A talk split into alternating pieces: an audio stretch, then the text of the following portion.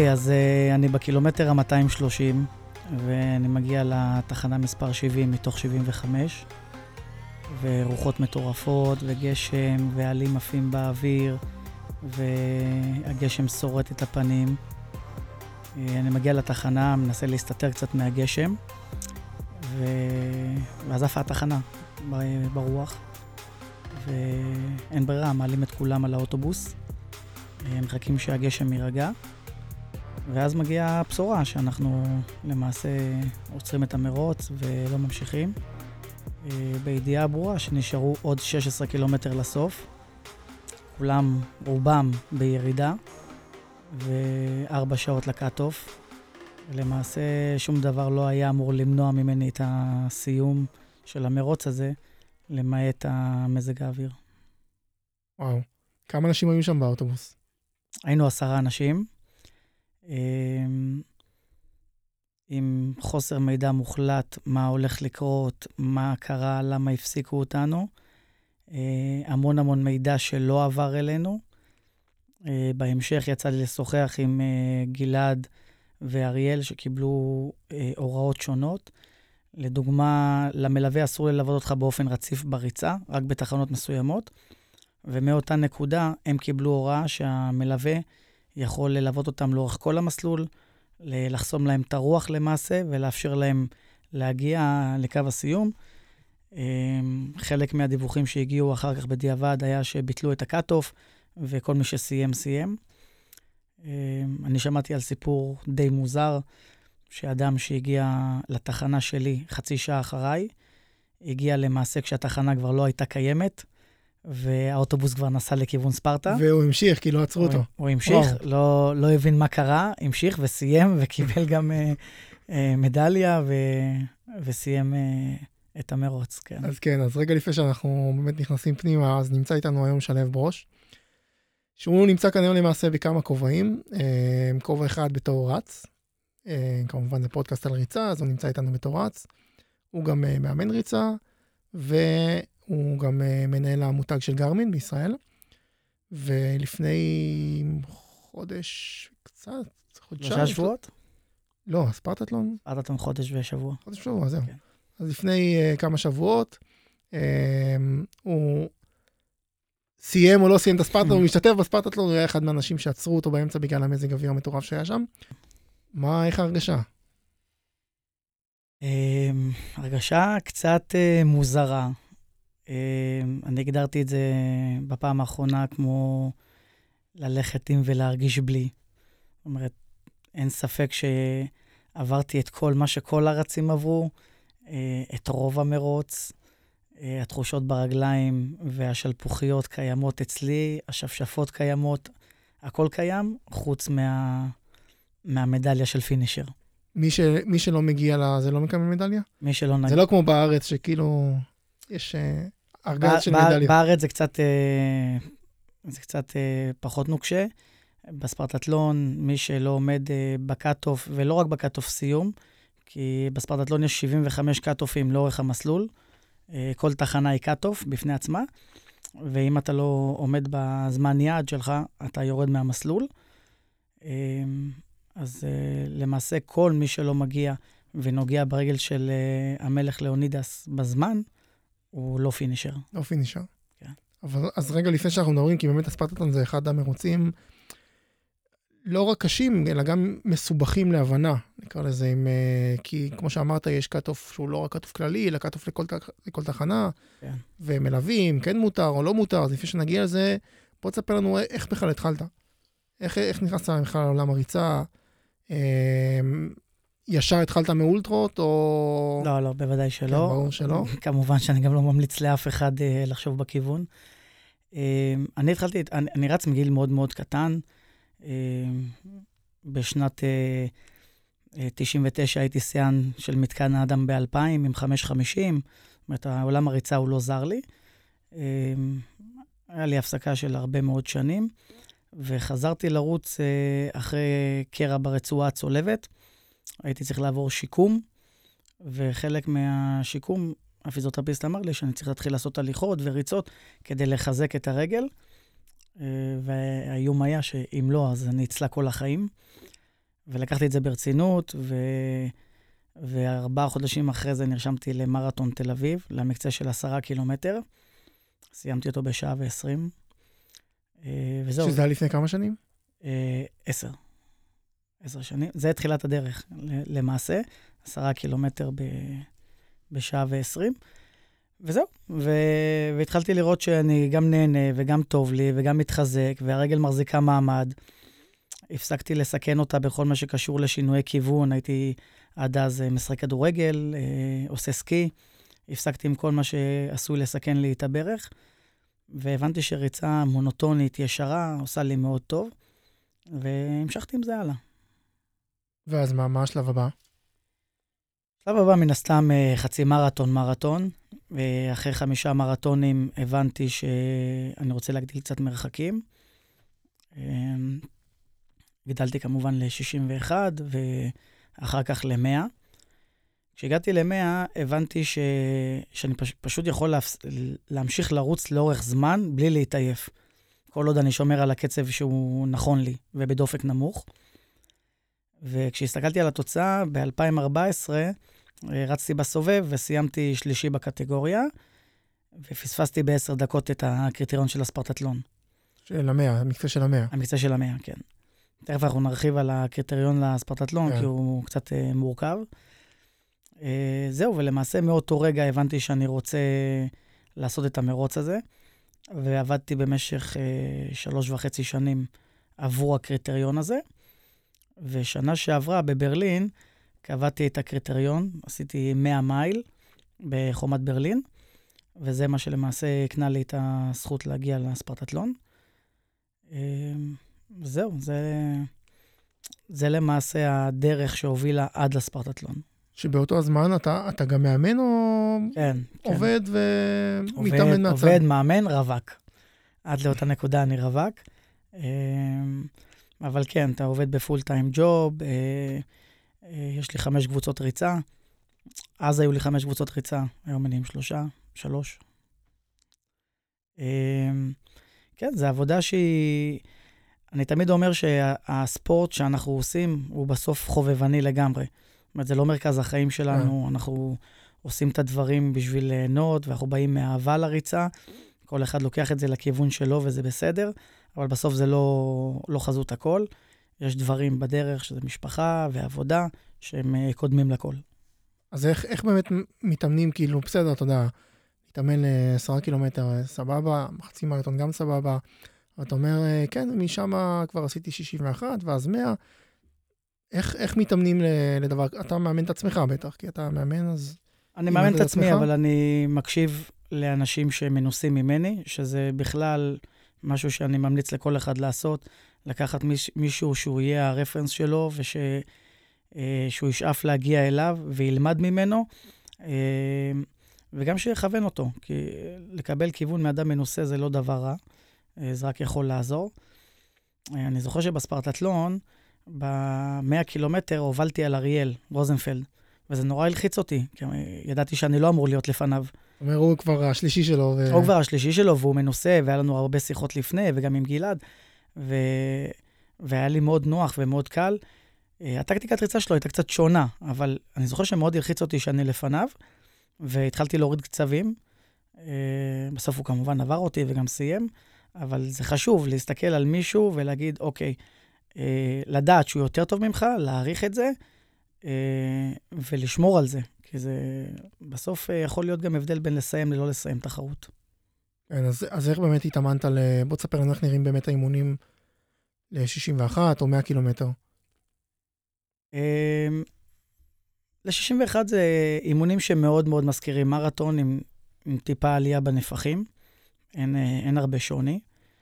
אה, אני גם חושב שכשהתאמנתי ל-61 ול-100, לא ממש באתי לתוצאות או לקריטריון, אז גם ההכנה היא בהתאם.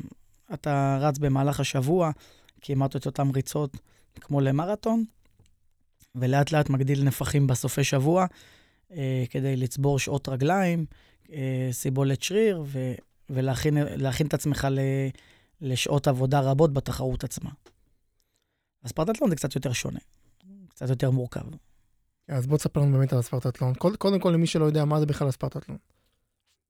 אוקיי, הספרטטלון היא תחרות אה, אולטרה כביש, אה, נחשבת מהקשות בעולם, אה, למרחק של 246 קילומטר.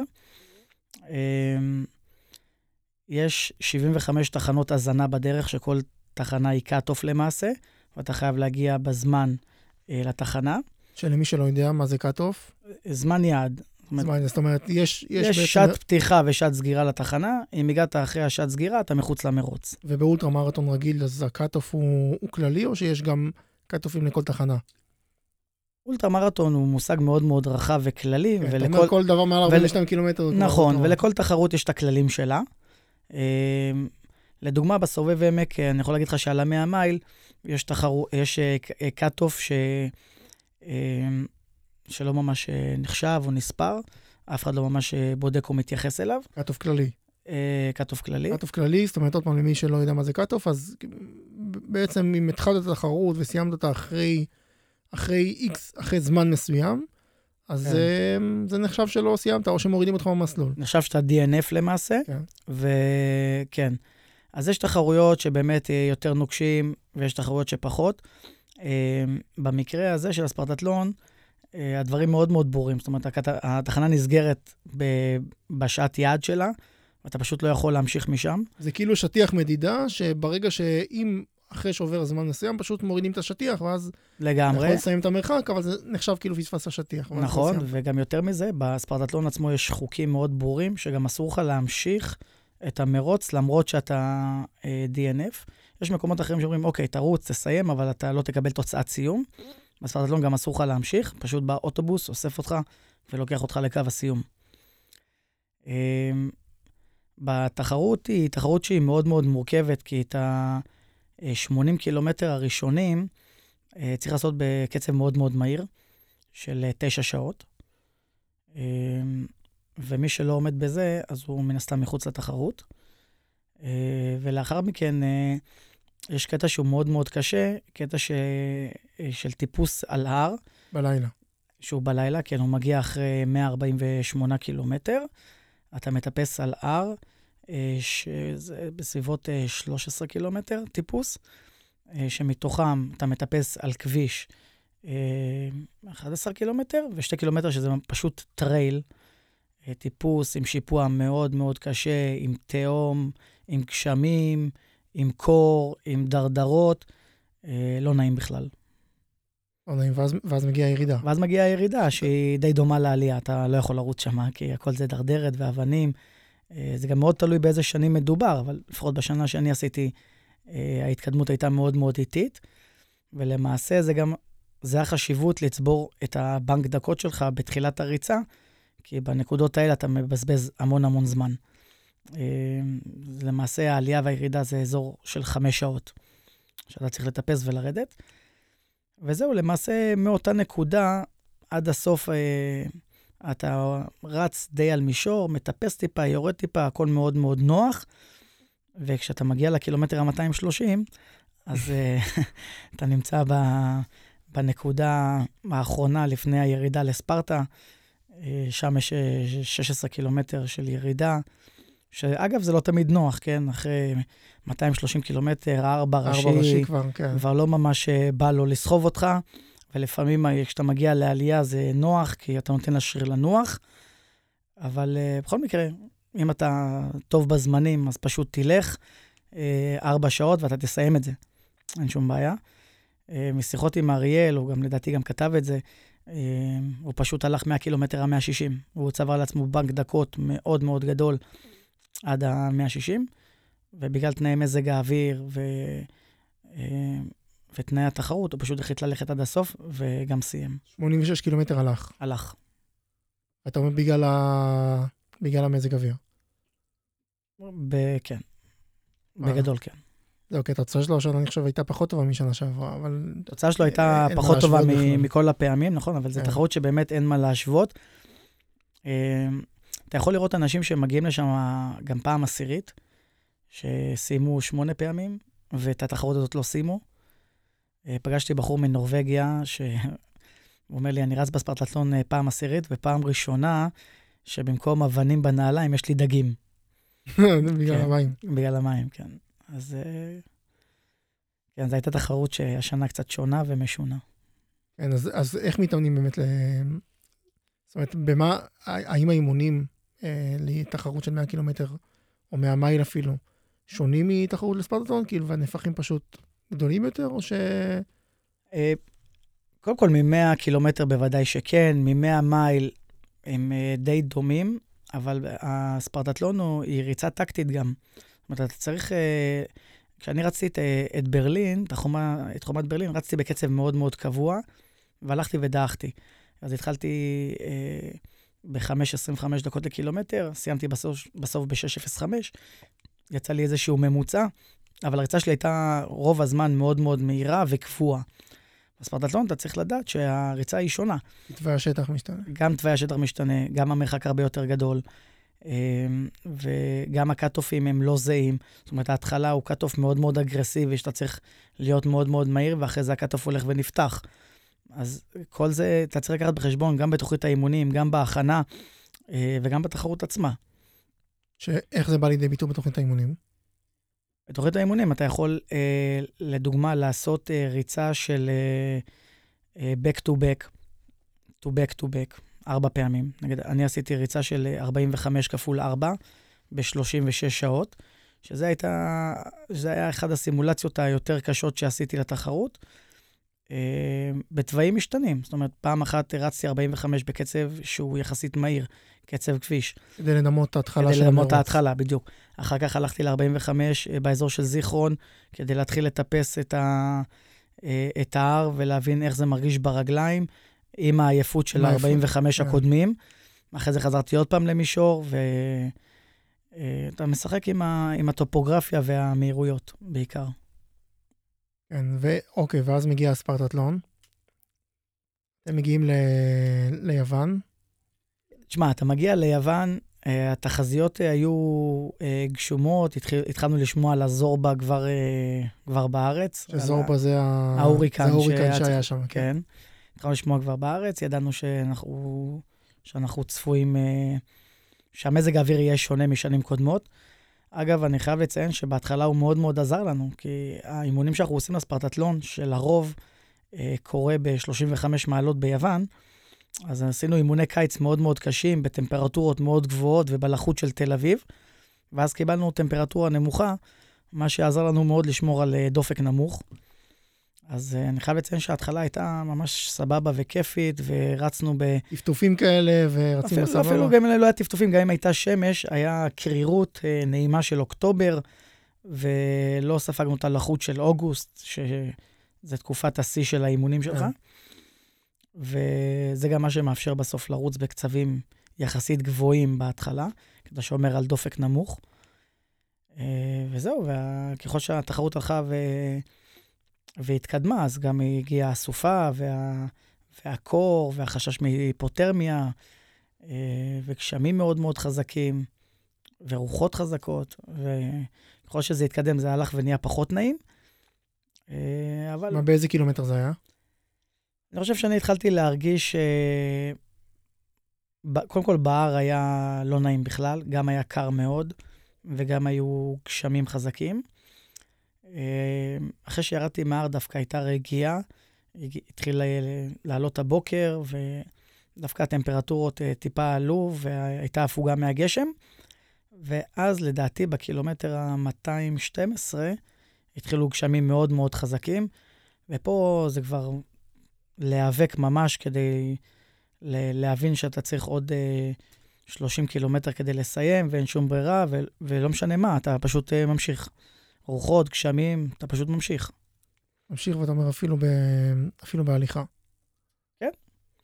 אה, בספרטטלון הולכים. חלק מהזמן אה, אתה, אתה מגיע לעלייה מאוד מאוד קשוחה, עם שיפוע של חמישה או שישה אחוז, ואין שום טעם או מטרה אה, לדחוף שם. אה, כן. יש, יש מושג בעולם האולטרה שנקרא יעילות אנרגטית, שאם אתה רץ אה, בעלייה בקצב שהאדם שלידך הולך, פשוט תעבור להליכה. אין בזה שום אה, מטרה, אתה לא מתקדם לשום מקום.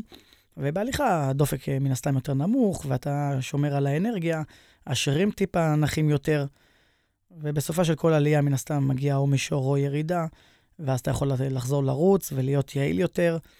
אז כן, אז אה, נחים כשצריך ורצים כשאפשר. עכשיו, ידעתם שהסופה הולכת לקרות?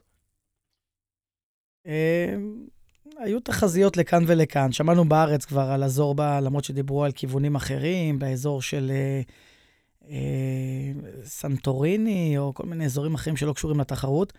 כשהגענו לתדריך באתונה, אז כבר אמרו לנו שבאזור של קורינטיאס אה, כן יתחילו גשמים, ולא טעו בהרבה בתחזית. אחרי 100 קילומטר כבר התחילה הטמפרטורה לרדת וגשמים התחילו.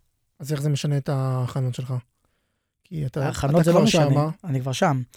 לא, ההכנות מבחינת, אתה יודע, בסוף, אה, וזה גם, אני אשמח אם תרחיב, איך, איך מבחינת ציוד, אוקיי. איך נערכים לציוד, למרוץ כזה? אוקיי, קודם כל, כשאתה מגיע למרוץ כזה, אתה נערך לכל המצבים.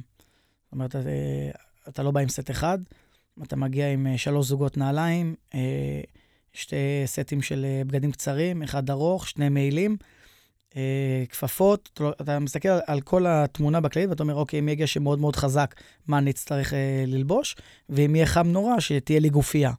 אוקיי, זה, זה ככה מזוודה נראית. אתה לוקח בגדים בכל הרנג' של, ה, של, ה, של העונה, של כן. וכמובן שהספרדטלון זה מרוץ שאתה חייב מלווה אחד לפחות. בדיעבד אני יכול אה, לומר ששניים זה אידיאלי. בסוף זה 36 שעות, ואדם צריך לנדוד בין תחנות. אמ, למה? שמה מה בעצם התפקיד של המלווה? המלווה אמור לתת לך, בגלל שאתה רוצה להיות מהיר ואתה לא רוצה לסחוב את כל הציוד עליך כל כך הרבה שעות, התפקיד של המלווה הוא למעשה לקחת את הציוד אה, עליו באוטו, אה, לנדוד בין תחנות. אה, מותר לו לפגוש אותנו רק ב-15 מקטעים במרוץ, אבל זה 15 מקטעים מאוד מאוד חשובים. אה, לפני רדת החשיכה. מקטעים או תחנות? מקטעים ותחנות, אני, אנחנו קוראים לזה אותו דבר, מקטע של... אה, לא, בתחנה מותר לחכות בכל 75? לא, לא, לא, רק ב-15 תחנות. רק ב-15 מתוך... נכון. כן. שזה גם חלק מתכנון לוגיסטי מאוד ארוך שאתה עושה... איפה אני בוחר לשים את המלווה?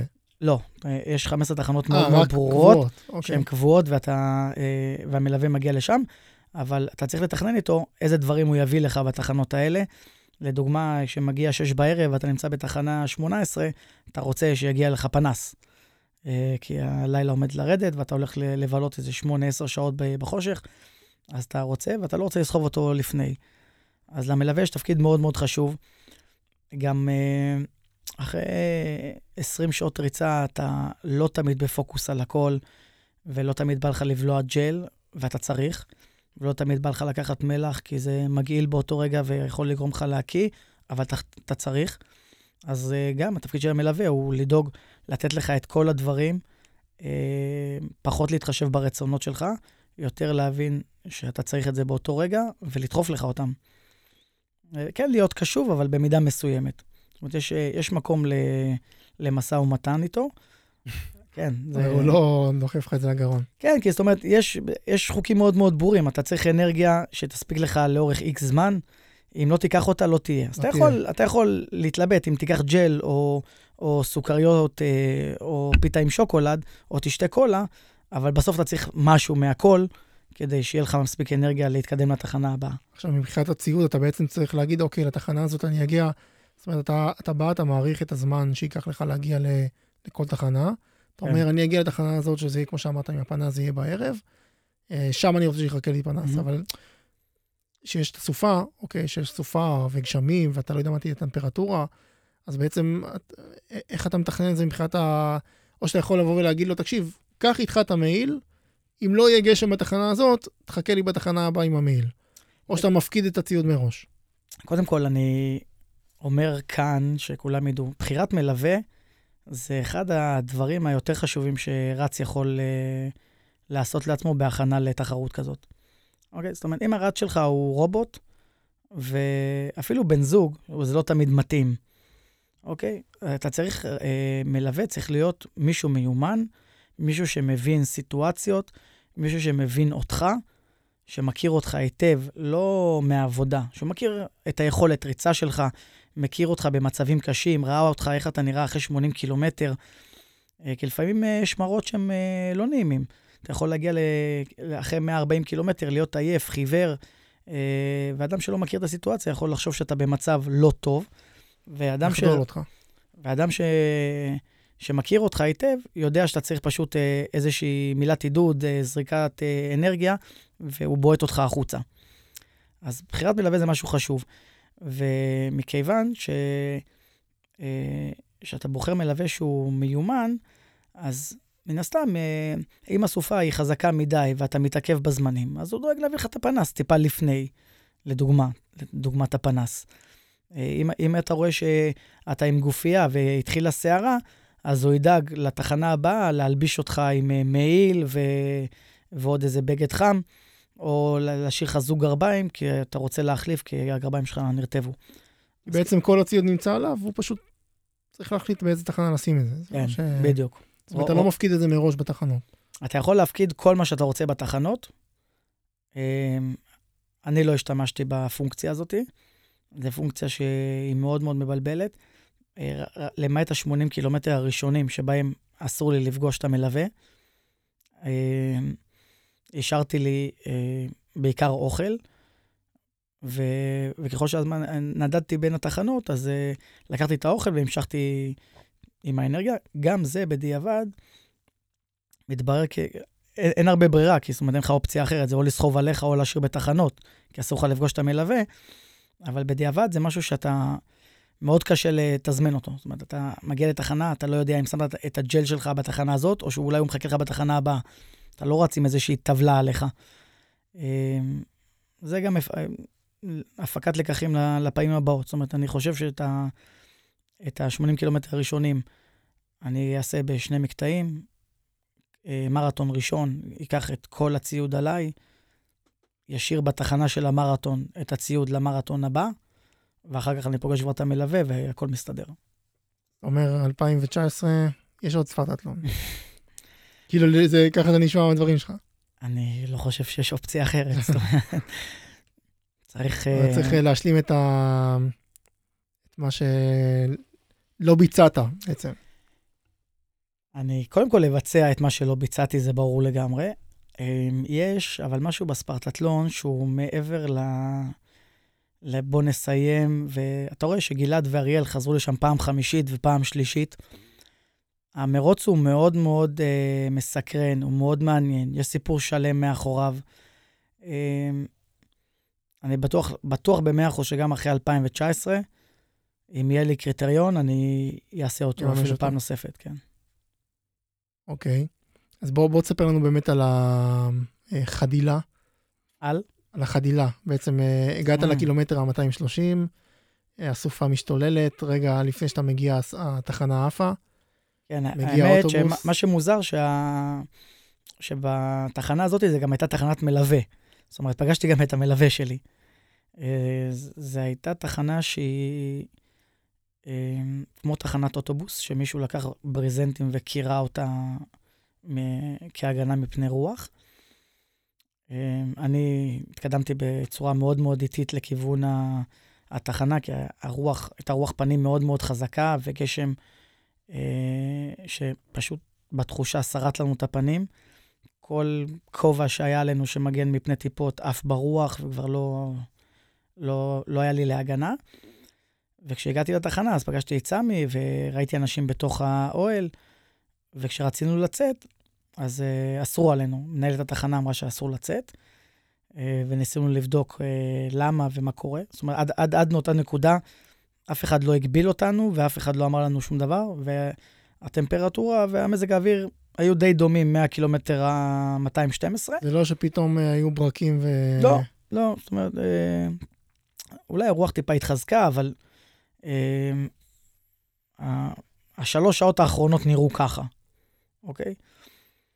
ופשוט לא נתנו לצאת מהאוהל, ועשתה כמה טלפונים כדי לברר מה קורה, ואז התחנה פשוט התפרקה, וכבר לא היה גם מה שיגן על הרצים. והיו קצת מראות לא נעימים. זאת אומרת, אה, צריך להבין, אתה נמצא אחרי 230 קילומטר, אחרי 32 שעות ריצה, לא ישנת כל הלילה, קר לך מאוד, אתה כנראה גם רטוב מאוד, ו... ואין מה שיגן עליך עכשיו, לא, אתה, קר לך מאוד. היא פשוט קראה לא, לאוטובוס של המאסף, שיבוא וישים אותנו על האוטובוס כדי שנתחמם.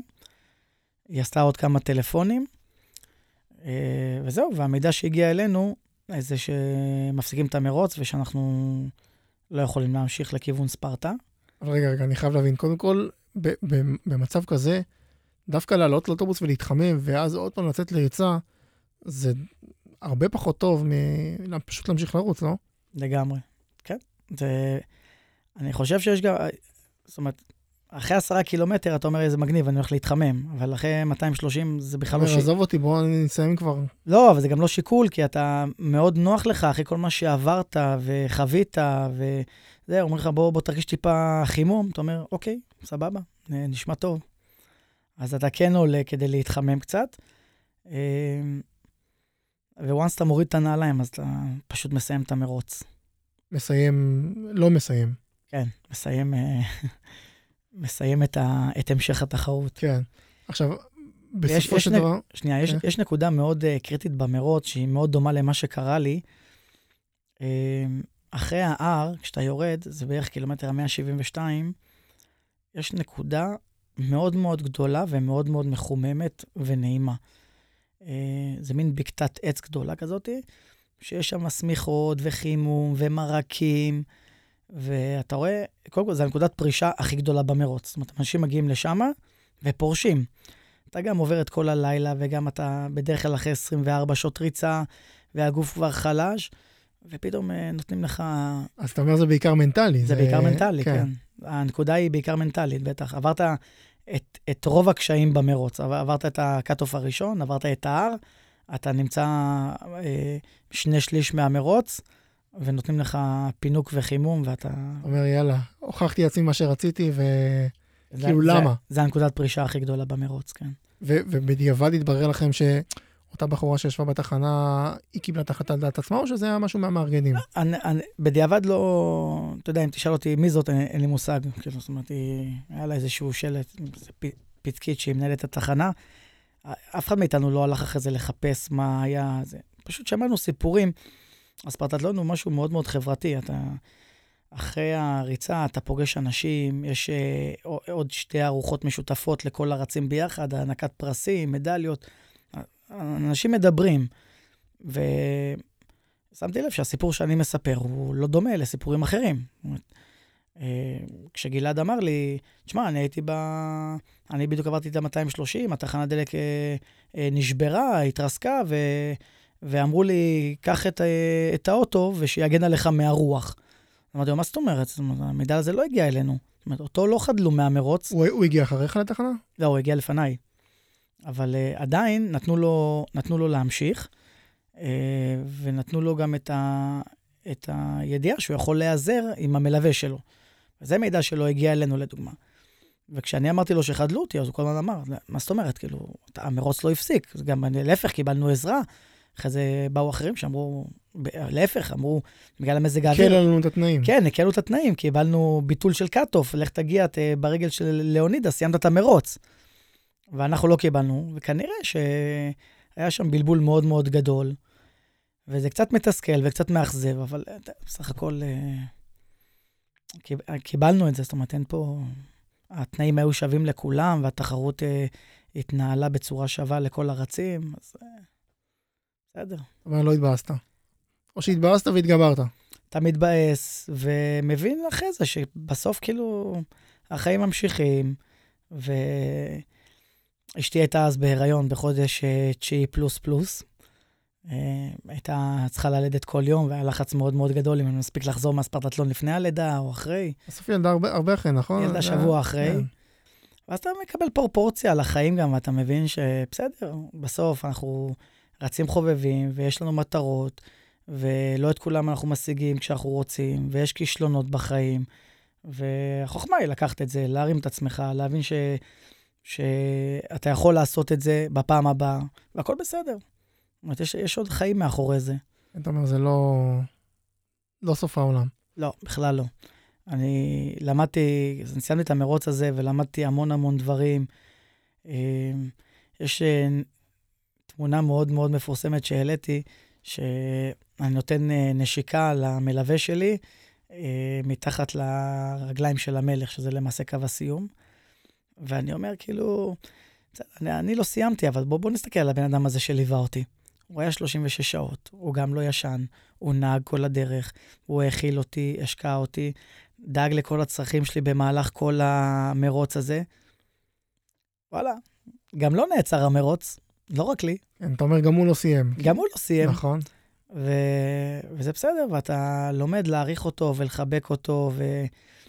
וזה גם נקודה שמלווה צריך להיות חזק, כאילו, הוא צריך להיות איתך גם ברגעים האלה. זאת אומרת, אתה לא סיימת את המרוץ, אתה... הוא אמור להיות איתך, להגיד לך את המילה הטובה, להחזיק אותך, לעודד אותך. זה עניין מנטלי לא פחות חשוב. שבמקרה שלך, מי היה המלווה? סמי אסודרי, שהוא השותף שלי גם בקבוצות ריצה. אמ, איש אה, ריצה מאוד מאוד ותיק, מבין ומכיל. אז בואו בוא נדבר באמת, כמו שאמרנו בהתחלה, אתה נמצא פה גם אה, תחת הכובע של מנהל המותג של גרמין. Mm-hmm. תראה, אני בעבודה שלי ביום-יום, אה, כמו שאמרת, הריצה זה תחביב, אני עובד בתחום השיווק, שיווק, דיגיטל. בוא, בוא תספר לנו מה, מה זה אומר בעצם לנהל מותג. כאילו, אני מניח שהרבה מהמאזינים לפודקאסט עונדים גרמין על היד. גרמין על היד, כן. אה, או על האופניים. כן. אה, ובסוף יש מישהו מאחורי, ה... יש מישהו שבסוף אמור לגרום להם להעדיף את גרמין לעומת המתחרים. כן. אז איך זה קורה, איך מחליטים לתת חסות לאירוע... אה, העבודה של מנהל מותג היא מאוד מאוד רחבה, כי כל הנקודות שציינת כרגע, אתה פשוט צריך לקבל את ההחלטות שלהם, ויש עוד הרבה הרבה החלטות בדרך. ספורטאי חסות והזמנת שעונים מחו"ל, ניהול של מלאי, יש המון המון דברים בדרך שאתה צריך לגעת בהם. אה, אני חושב, קודם כל, אם ככה להיות גם הוגנים, אז להבין שגרמין היא, היא מותג ש... שרץ פה עשר שנים, וניהלו אותו גם לפניי. זאת אומרת, גם מי שהיה לפניי עשה כנראה עבודה מאוד מאוד טובה. אני קיבלתי בירושה מותג מוביל עם 70 אה, אחוז אה, שליטה בשוק של הפיטנס והאופניים. אה, זאת אומרת, התפקיד שלי זה פש... בעיקר לשמר את הקיים.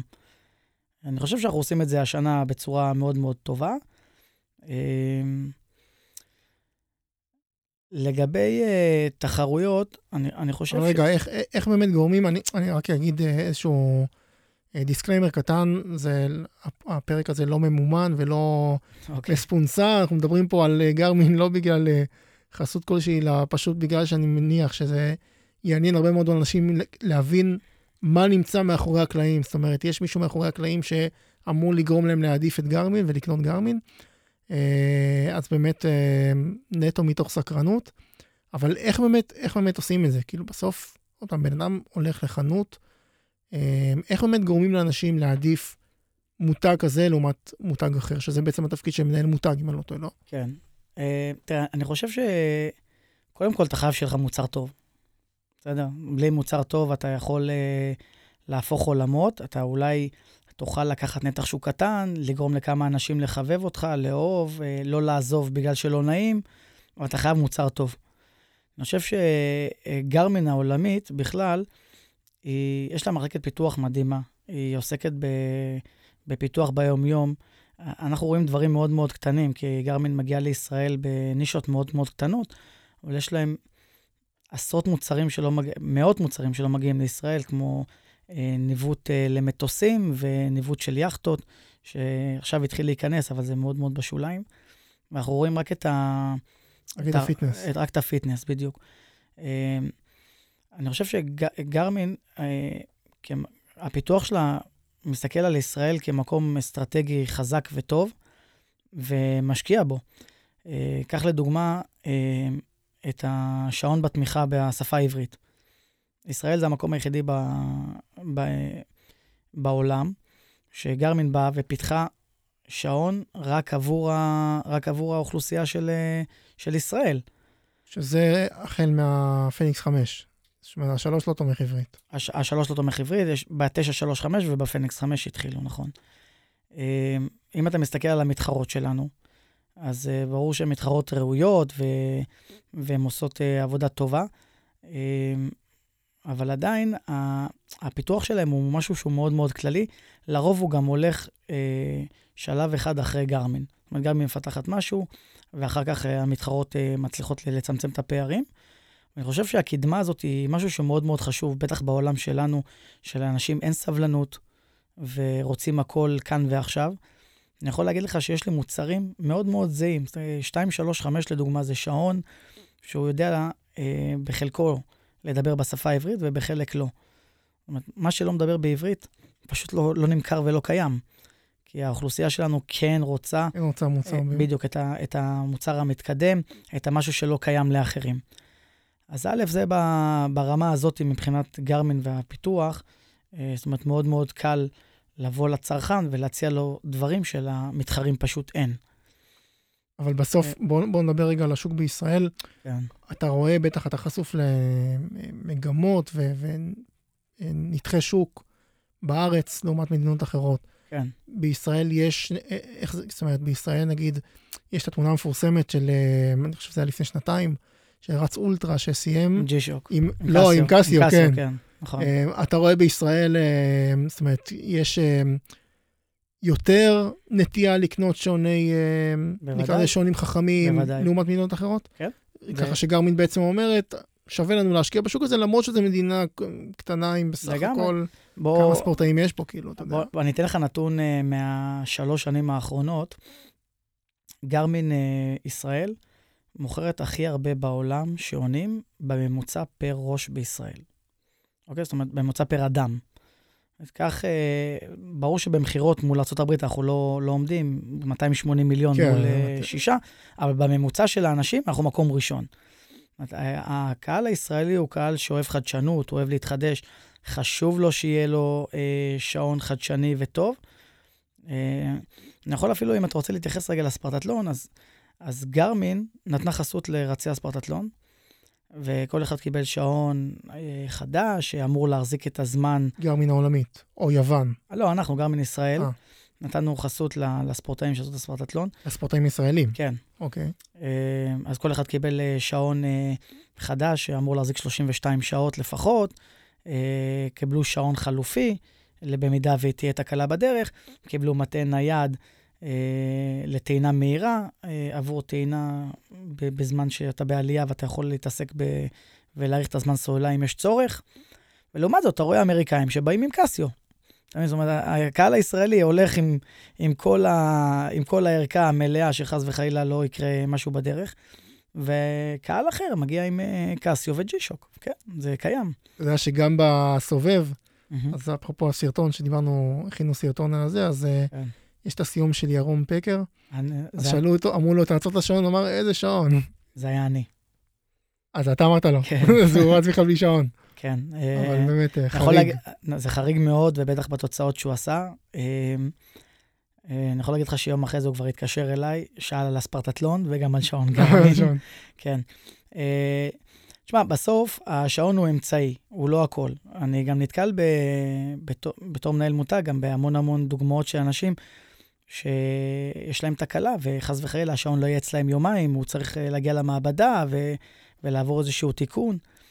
ובסוף אני אומר, כאילו, בסדר, השעון הוא אמצעי, חשוב מאוד שהוא יהיה.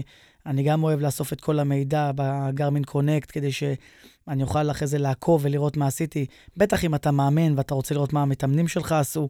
זה דברים מאוד מאוד חשובים. בסוף זה לא חזות הכל. בסוף אתה, מה שיש לך ברגליים זה מה שיש לך ברגליים. כן, זה לא מה שיגרום לך... זה, נכון. ואתה יודע מה, אפילו להפך, היה פה בפודקאסט בפרק עם uh, ליאור זחמאור. כן. אז הוא אמר שהוא מכריח את המתאמנים שלו הרבה פעמים להתאמן בלי חגורת אופקים, בלי הכל. כמה פעמים מנטלית, אתה אומר לעצמך, אני מסוגל לרוץ בקצב כזה, בדופק כזה, mm-hmm. וזה עוצר אותך.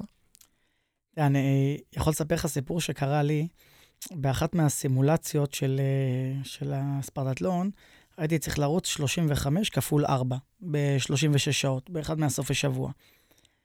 ובדיוק השקנו שעון חדש, והייתי צריך לתת אותו לאיזשהו מאמן שנסע לאנשהו, ואני בדיוק חזרתי מאילת, ולא היה לי כלום, אז פשוט הורדתי מהיד את השעון, ונתתי לו, כי הוא היה צריך את זה קצת יותר ממני. הגעתי הביתה, ונזכרתי, זה היה יום חמישי, ונזכרתי שאני צריך לעשות 35 כפול 4. נזכרתי. נזכרתי, כן. אז, אה, אז אני מסתכל, והיה לי באוטו איזה שעון שאמור להחזיק משהו כמו 6-7 שעות, ויצאתי לדרך איתו. יצאתי לדרך איתו, והוא הספיק לי לפעמיים.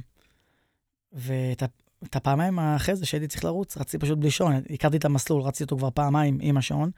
ידעתי מה המסלול, ופשוט הסתכלתי על זה, זה הרע במיעוטו, כאילו, בסוף ה-35 הנוספים שאני אעשה, זה בסוף הרגליים שלי יעשו, לא השעון יעשה. אז עשיתי עוד פעמיים בלי שעון. בהתחלה, בהתחלה זה היה קשה בטח, ואחרי זה אמרת, לא, וואלה, לא, דווקא לא אתה, כזה רע. אתה, אתה, אני אומר, אתה מסתכל על זה, קודם כל זה אימון מנטלי נהדר. אוקיי? להתמודד עם מצבים שאתה לא רגיל אליהם, אה, משברים שקורים בדרך, ובטח באולטרות יש מלא מלא משברים. אז זה, זה כמו סוג של משבר שאתה צריך לנהל אותו. מה, מה, מה האופציות שלי כרגע? אני בלי שעון ואני צריך לעשות 140 קילומטר. מה, מה האופציות שלי? ואתה פשוט מנהל את זה. ואז אתה מגיע יום ראשון ואתה מקבל טלפון מאחד הלקוחות, שמה הוא יעשה, אין לו שעון. אז לפעמים זה מצחיק גם, אז... אה, אתה יודע, אני, אני אה, טסתי לפני שלושה חודשים, משהו כזה, והמזוודה לא הגיעה, והמטען של, ה, של, ה, של הגרמין היה שם במזוודה, וגם כשחזרתי לארץ, המזוודה עדיין לא הגיעה. אמרתי, אוקיי, הסוללה הולכת ונגמרת, ואני מכבה פיצ'רים. אתה יודע, יש פיצ'רים שהם זוללים בטריה, כן. אז חיביתי את הפיצ'ר של, ה, של הדופק המובנה, ואת ה-GPS הורדתי לסמארט ולא, ל, ולא לזה, ועדיין הסוללה נגמרת והמזוודה אין, וקניתי שעון חדש. לא, לא מתן, לא שעון. לא מתן, שעון, כן. הגיוני. כי אמרתי, טוב, בסדר, יאללה, סיבה לשדרג, ובסוף המזוודה הגיעה עם המתן, כבר... אה, אז, אז כן, תשמע, אז אני אומר, לצד כל מה שאנחנו אומרים, אנחנו אה, קהל ושוק שהוא מאוד טוב ומאוד חזק, ואנחנו גם דואגים גם לפתח אותו וגם אה, לדאוג שתמיד אה, נהיה לפני המתחרים, שהקהל שלנו יהיה מרוצה, אה, לשמר אותו אה, כמה שאפשר, ויש אה, מלא אתגרים בדרך ומלא קשיים בדרך, עושים את המקסימום, זה בינתיים עובד. בוא נדבר רגע על חסות, על חסויות באירועים, כן. uh, ואני אתן לך את הקונטקסט לשאלה, כי אנחנו נמצאים רגע לפני uh, מרוץ הלילה של, uh, של תל אביב. Mm-hmm. ושנה שעברה, אני, כן, אני בכוונה נכנס פה קצת לפיקנטריה. אהוב. כן. Mm-hmm. שנה שעברה היה איזשהו סיפור שסונטו לקחו חסות, ו- וגרמין נשארו בחוץ, ואז גרמין... בוא, בוא תספר לנו מה היה כדי שאני לא אפספס את הפרטים. קודם כל חשוב לציין שאני לא הייתי מעורב בזה ולא הייתי חלק מה, מהעשייה באותו זמן, אבל בגדול מה שקרה, אה, באמת אה, סונטו נתנו חסות לנייטרן תל אביב, אה, וזו הייתה פעם ראשונה שלמעשה הגבילו את אחת מהחברות, האם להגיע או לא להגיע למרוץ. זאת אומרת, עד אז, גם אם... בלעדיות. בלעדיות, בדיוק. עד אז, גם אם היית נותן חסות ראשית, אה, ולנו היו לא מעט כאלה, זאת אומרת, בישראמן אילת היינו ישראמן גרמין, אה, לדוגמה. מעולם לא הגבלנו את המתחרות להגיע אה, לאקספו, ופה נסגרה איזה סוג של בלעדיות, וזה... בגרמין הסתכלו על זה בצורה קצת לא, לא עניינית, ו... רגע, אבל לא הציעו לכם גם כן? כאילו, לא באו, אמרו, חבר'ה, זה העלות של חסות, סונטה הוא גר ממי שחותם ראשון על חוזה, הוא נכנס לאקספו. לא, זו היה, הייתה סגירה מאוד מאוד ברורה. זה דברים שקורים דרך אגב, זאת אומרת, זה בסדר, זה גם לגיטימי. חברת ההפקה החליטה לרוץ עם uh, מתחרה מסוים, עם שעון מסוים, זה בסדר, זה לגיטימי. Uh, על זה אין לנו שום ביקורת. Uh, אני חושב שההחלטה שהם קיבלו לתת בלעדיות, זה משהו שהיה חריג ולא מקובל. אנחנו גם חברה שמייבאת טלפונים סלולריים. ו... ומול uh, כיכר רבין, יש uh, חנות סלולר שקונה מאיתנו לא מעט מכשירים, והאקספו מתקיים ב... בכיכר רבין, ופשוט מה שעשינו, שכרנו, uh, שכרנו את החנות הזאת ליומיים, והאקספו שלנו התנהל משם. זאת אומרת, אני רק אגיד, אני רק אגיד פה למי שלא יודע, אז בעצם באתם לבעל החנות, תגיד אם אני לא מדייק, כן. באתם לבעל החנות, אמרתם לו, בוא תביא לנו את החנות, שמתם שם גרמין, שמתם גם שלט של גרמין, mm-hmm. והיה אתגר בפייסבוק. כן, הפעילות הייתה בעיקר דיגיטלית, כן, כדי למשוך את כל הקהל שמגיע לפייסבוק. מי יודע כמה צעדים לוקח להגיע מה... מהחנות שלנו, וקיבלתם חשיפה מאוד מאוד גדולה. נכון. והיה אחרי זה איזושהי כתבת יח"צ באייס, ש... שקיבלתם, לא יודע, יותר חשיפה מזה, בעשירית מהמחיר, משהו כזה. פחות uh, בקיא במספרים, כי כמו שאמרתי, אני לא הייתי בתקופה הזאת, אבל uh, זה היה עניין ואישיו, ובאמת גם חשיבה מחוץ לקופסה כן. של מי שעשה את המהלך הזה באותם זמנים. Uh, אין ספק שזה כן עשה לנו טוב, ואני חושב שמה שקרה יותר טוב מזה, שפשוט מאותו נקודה פשוט הוחלט שלא יהיה בלעדיות יותר. זאת אומרת שזה מהלך שהוא היה שגוי ולא נכון, ו... אגב, אנחנו נותנים השנה כן חסות לנייטרן של זה מה שאני בא לשאול, האם סונטו גם בפנים? סונטו בפנים. אנחנו לא, אנחנו לא מגבילים אף אחד. זאת אומרת, מה שאנחנו עושים, אנחנו משתדלים לעשות הכי טוב, ושלהם יהיה בהצלחה בכל הפעילות שהם עושים. זאת אומרת, אנחנו לא מגבילים. כן, כי אני, אני אמרתי, שנה שעברה, אמרתי, שנה הבאה אין מצב שסונטו לוקחים, כאילו, זה מעצבן. שמע, אתה משקיע, לא יודע, 100,000 שקל, כאילו, לא יודע כמה עולה חסות כזאת. כמה? אה, לא יודע, 100, כן. משהו כזה, סתם זורק מספר, ובסוף בא מישהו גונך את ההצגה, כאילו, אז אתה אומר, יאללה. אבל אה, אין ברירה כל כך, כאילו... אה, אין לך הרבה אירועים כל כך גדולים, שבאמת קוראים כל כך הרבה חשיפה. ו... תשמע, אני חושב שיש אה, פערים מאוד מאוד גדולים בין החברות. זאת אומרת, עזוב רגע את האיכויות של המוצרים ו- וכולי, שכל אחד זה גם בסוף העדפה אישית, ואני גם לא נכנס לזה, גם להם יש מוצרים טובים, ובאמת אני לא נכנס, אני גם באתי משם, כמו שאתה יודע. אני לרגע לא חושב שיש להם מוצרים לא טובים, אה, אבל בסוף הפערים בין החברות הם אסטרונומיים. מדובר פה, גרמין היא חברה עולמית שנסחרת ב-13 מיליארד דולר בעולם, אה, עם מחלקות פיתוח עצומות ורציניות וגדולות. והתקציבים גם בהתאם. אוקיי? זאת אומרת, קח את השנה הנוכחית. אנחנו לוקחים את כל האירועים הגדולים. אנחנו בנייטרן תל אביב, במרתון טבריה, מרתון תל אביב וירושלים, וישראמן אילת. אומרת, כל החמשת הגדולים, אה, היום גרמין יהיה שעון המרוץ, אה, וזה עולה הרבה כסף. כן. לפני שלושה שבועות נולדה לך בת, נכון. ראשונה. Mm-hmm. איך זה משפיע על האימונים? איך אתה...